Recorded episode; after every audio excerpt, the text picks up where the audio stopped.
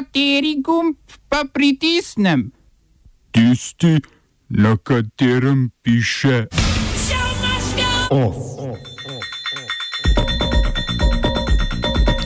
Latvijski parlament potrdil desno sredinsko vlado. Nemčija začasno prekinja sodelovanje v operaciji EU Sofia. V Maleziji izbrali novega kralja. Predsednik venezuelskega parlamenta Juan Guido se je razglasil za začasnega predsednika države. Razstava plakatov v dobri vagi.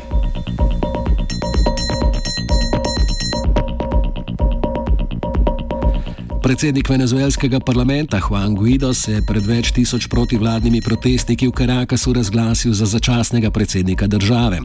Organizacija ameriških držav in več držav na čelu z Združenimi državami Amerike ga je priznala, Mehika pa je podprla predsednika Nikolasa Madura. Njemu bran se je postavila tudi venezuelska vojska.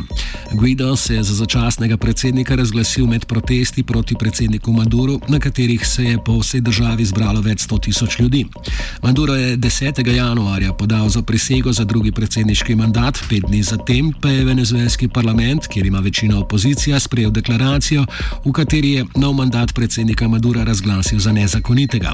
Potem, ko je predsednik ZDA Donald Trump kot predsednika priznal Guida, je Maduro sporočil, da je Venezuela prekinila diplomatske odnose z Združenimi državami Amerike in dal ameriškim diplomatom 72 ur časa, da zapustijo državo.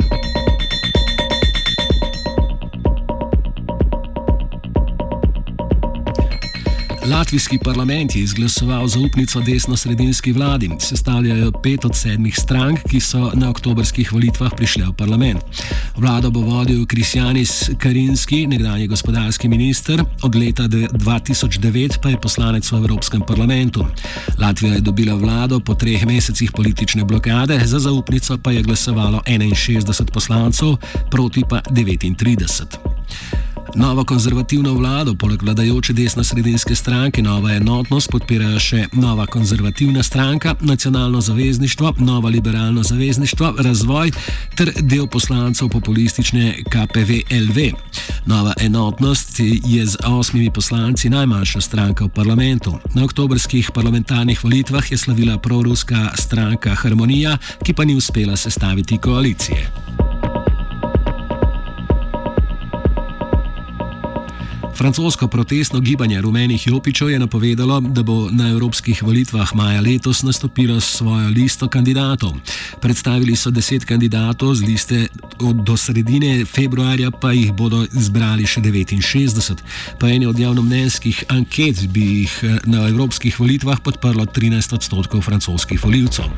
S tem eh, bi se gibanje uvrstilo na tretje mesto za Macronovo stranko Naprej Republika, ki bi prejela 22. 12,5 odstotka glasov in skrajno desno stranko Nacionalni izbor, ki jo vodi Marine Le Pen, za katero bi glasovalo 17,5 odstotka voljivcev. Protestniško gibanje rumenih jopičev se je oblikovalo novembra lani zaradi načrtov francoskega predsednika Emmanuela Macrona za zvišanje davka na gorivo kot enega od ukrepov zopr globalno segrevanje ozračja, protesti pa so kasneje prerasli v splošno nasprotovanje politiki vlade.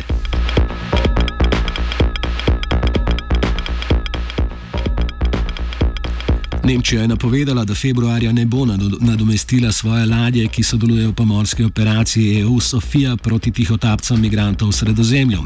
Zato se je odločila zaradi zaostritve italijanske priseljenske politike, a v okviru v okviru katere Italija noče več sprejemati imigrantov v svoje pristanišča. Nemško fregato Augsburg eh, bi morala zamenjati oskrbovalna ladja Berlin, a bodo to zdaj raje poslali na vojaške vaje v Severno morje.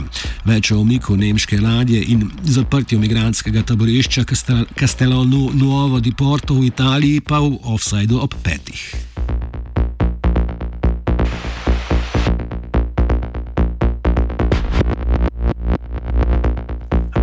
Politična stranka Bošnjakov v Bosni in Hercegovini, stranka Demokratske akcije, krajše SDA, je napovedala, da bo od ustavnega sodišča zahtevala presojo ustavnosti imena srpske entitete Republika Srpska, v kateri so Srbi večinski narod. SDA je v sporočilu za javnost pojasnila, da je dolgoletna praksa oblasti v Republiki Srpski pokazala, da so dosedanje imete srpske entitete intenzivno in učinkovito uporabljali z namenom diskriminacije in izključevanja drugih dveh konstitutivnih narodov, Bošnjakov in Hrvatov. Republika Srpska je bila ustanovljena leta 1992 kot Republika Srpskega naroda Bosne in Hercegovine z odločbo Skupščine Srpskega naroda v Bosni in Hercegovini. Dale, uh, sledeč splošnim okvirjem Daytonskega sporazuma iz leta 1995 je postala mednarodno priznani pravni subjekt znotraj Bosne in Hercegovine. Zauzema približno 49 odstotkov površine države, po večini njeni severni in vzhodni del. V SDA menijo, da je povezovanje katerega koli imena v več etnični bih samo enim, samo enim narodom po načelu etnične privilegiranosti v nasprotju z ustavo Bosne in Hercegovine in Evropsko konvencijo o človekovih pravicah.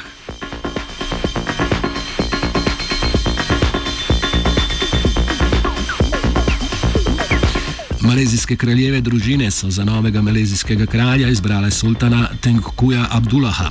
Malezija je novega kralja dobila dva tedna potem, ko je zaradi poroke z rusko manekenko odstopil dosedanji kralj Mohamed V.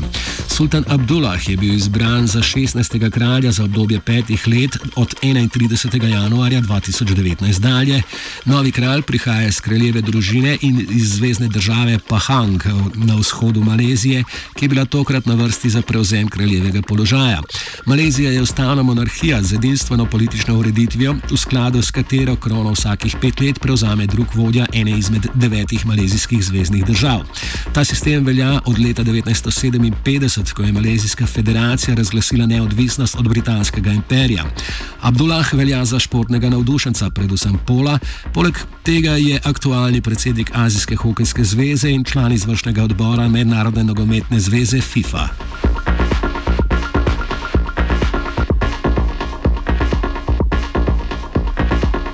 Ukrajinsko sodišče je bivšega ukrajinskega predsednika Viktorja Janukoviča spoznalo za krivega vele izdaje. Sodniki so ga spoznali za krivega, ker je naj bi Rusiji pomagal pri izvedbi vojaškega napada na Ukrajino. Glede na razsodbo je Janukovič po odhodu z oblasti omogočil rusko priključitev polotoka Krim. Janukovič velja za proruskega politika, leta 2010 pa je bil izvoljen na predsedniških volitvah.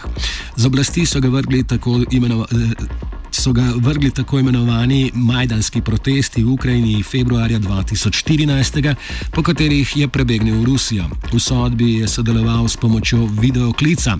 Gre za prvi sodni proces proti kakšnemu bivšemu predsedniku v Ukrajini.